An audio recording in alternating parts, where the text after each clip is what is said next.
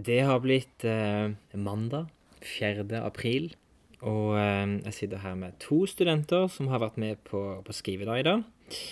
Eh, Lars, du er lektorstudent. Hva forsker du på, Lars? Vi kan si um, jeg, har vel kalt det sosiofonetikk i min oppgave. Det er en slags krysning mellom sosiolingvistikk og fonologi. Og så sitter jeg her med Lisa. Hva forsker du på? Jeg eh, forsker på onomastikk, som er navneforskning. Onomastikk og sosiofonetikk, altså. det, det er forskningsområdene vi har eh, med å gjøre her i dag. Lars, du er lektorstudent. Lisa, du er heltidsstudent. Felles for begge to er at jeg skal levere inn masteroppgaven nå i mai. Og, og eh, det er rett over fem uker til innlevering av masteroppgaven. Fortell litt først, begge to. Åssen eh, åssen er dagene nå for tida? Åssen har det vært de siste ukene? Ja, altså du har ett fokus eh, om dagene. Det er oppgaven. Det er å få um, sortert, redigert, skrevet. Um, du har ikke så veldig mye eh, overskudd til å tenke på så mye annet. Nei, eh, jeg sier meg enig i det, altså.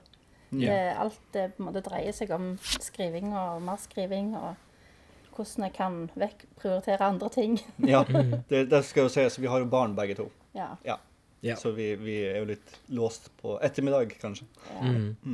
Um, hvis vi tar det først, da. Hvor langt har dere kommet i oppgaven? Hvor langt har du, Lisa, på nåværende tidspunkt kom, i din, kom til din oppgave? Um, altså, jeg har skrevet ferdig uh, innledning og sånn eh, klassifiseringskapittel, men jeg, jeg sitter litt fast med resultatet.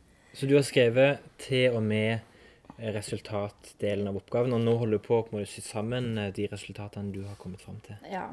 Ja. Så det blir på en måte å strukturere hvordan jeg skal sette opp et resultatkapittel. Ja. Enn du da, Lars? Um, jeg har uh, holdt på ganske parallelt som Lisa. Um, jeg har nok et litt enklere um, resultatkapittel, tror jeg. Ehm, og, så da er jeg ferdig med, håpet. Men man skal jo aldri si aldri.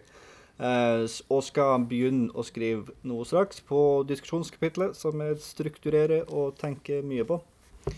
Eh, så der ligger jeg an. Mm, og vi har eh, på skrivende nå i dag, vi har diskutert eh, din struktur, og for du baler egentlig med to forskjellige strukturer som du kunne ha lagt opp for ditt eh, diskusjonskapittel.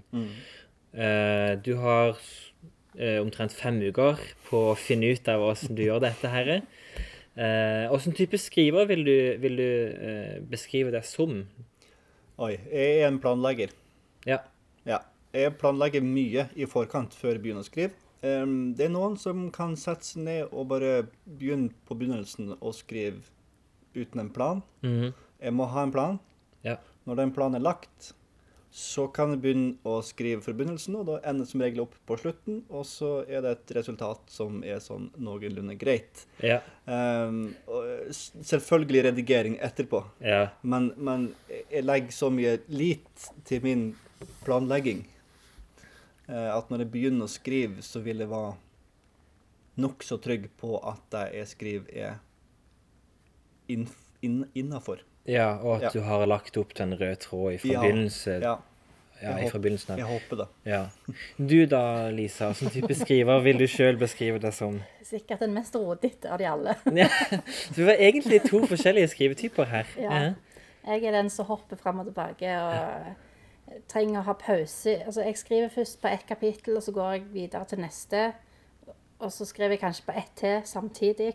Mm. Og så kan jeg bytte mellom alle de kapitlene for å få eh, tenke på andre ting. At jeg ikke sitter altfor lenge og fokuserer på bare én ting. Men heller kommer tilbake igjen med friske øyne og ser hva jeg egentlig har gjort. Ja. Og selv om du har en skrivestil som er litt altså du, du, Som du sier, du skriver litt på forskjellige ting parallelt, så er du samtidig en av de studentene som jeg, som jeg har hatt på skrive det her oftest. Og du har en, en tydelig struktur eh, på dagene dine når det gjelder skrivinga di. Fortell litt om åssen du eh, tenker rundt det å skrive, og, og sånt. Nei, Jeg tror det er viktig å, å skrive. Altså bare det å skrive. Jeg eh, har jo som sagt familie, så jeg kan jo ikke bruke kveldene Så jeg er nødt til å bruke dagtid. Eh, Jeg er nødt til å stå opp tidlig på morgenen. eh, Og med en gang ungene er levert til der de skal være, så er jeg nødt til å sette meg ned og skrive før de kommer hjem igjen. Sånn at jeg får gjort noe. Mm. Eh, Og dermed så kan jeg ikke på en måte bare tenke at jeg kan ta fri en dag fordi at jeg kan sitte resten av dagen hele dagen i morgen. Det går ikke. Mm. Eh, Så hvis jeg skal bli ferdig, så må jeg sitte hver dag. Ja, det må være en slags kontinuitet på Ja. skrivearbeidet. Ja, ja. Er det noe du kjenner deg igjen i, Lars? Ja, veldig.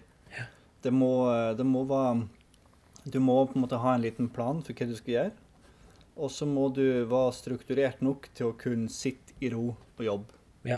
Er det sånn at begge to forventer mye, kall det kveldsarbeid, eh, fremover? At eh, som sagt, det er fem uker igjen.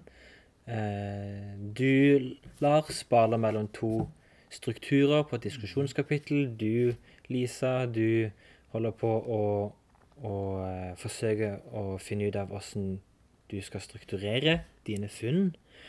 Eh, det er jo en, en, en del tankeprosesser her som skal på en måte sorteres før en kan begynne å skrive. Mange timer må legges inn i, i banken.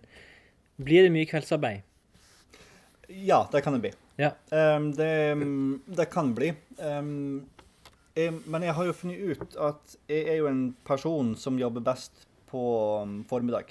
OK. Jeg er en morgenperson som når ungene er levert i barnehage, så setter jeg meg ned og skriver. Og har vel egentlig funnet ut at jeg skriver best mellom type 8 og 12. Ja.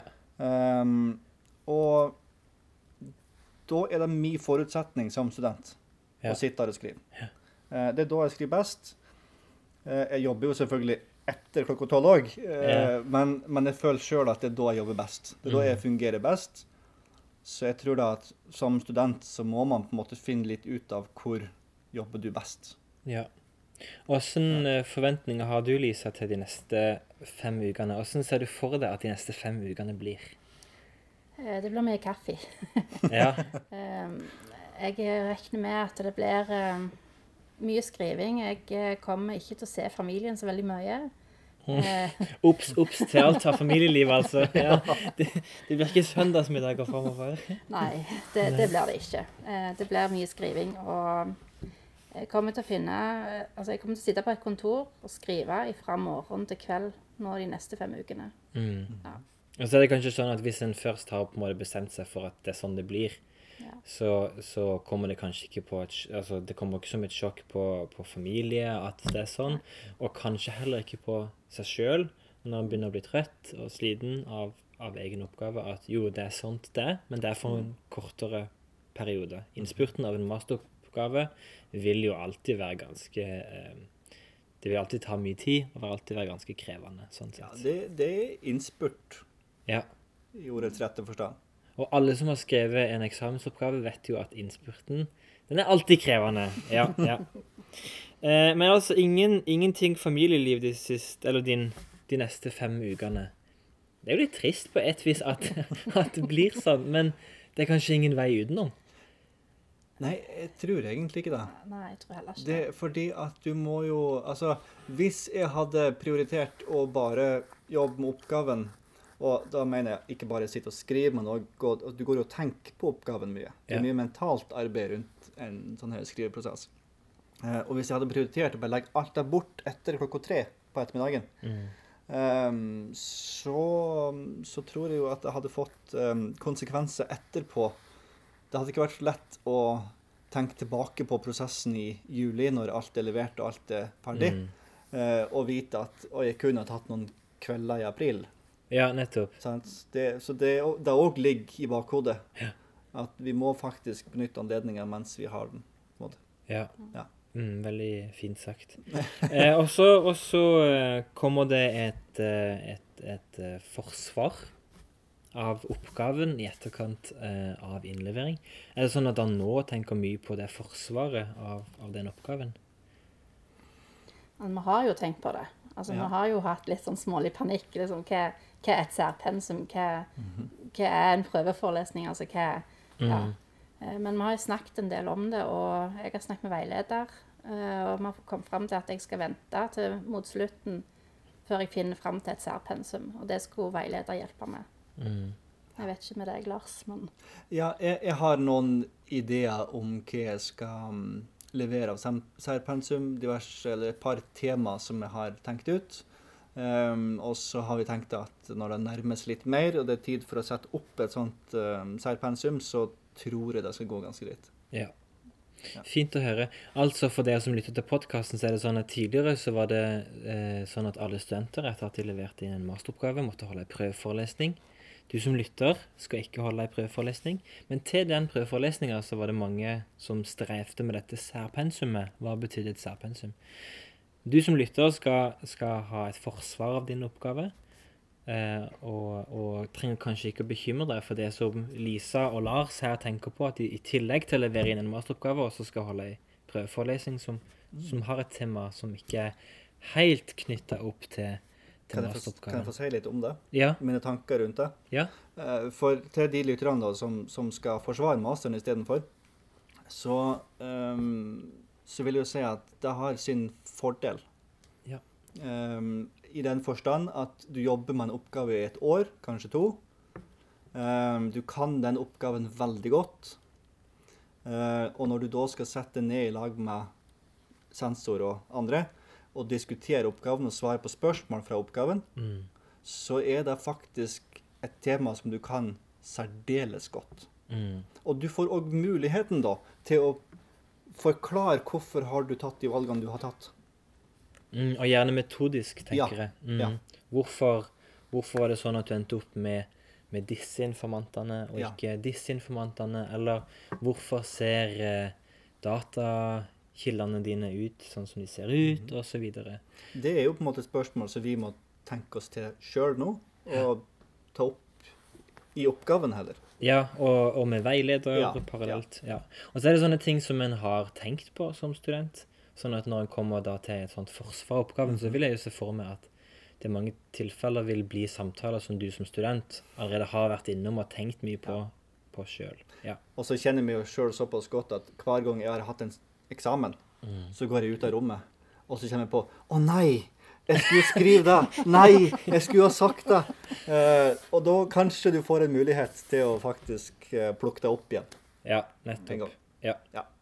Det er fint å høre. Masse lykke til med, med innspurten til begge to. Og så er det sånn som alltid at etter at jeg har levert inn masteroppgaven, så treffes vi jo alltid i dette emnet på bokkafeen i etterkant og tar en kopp kaffe. Og da tar vi sommerferie etterpå. Tusen takk for at dere ble med, og som sagt, masse lykke til med innspurten. Takk. tusen takk.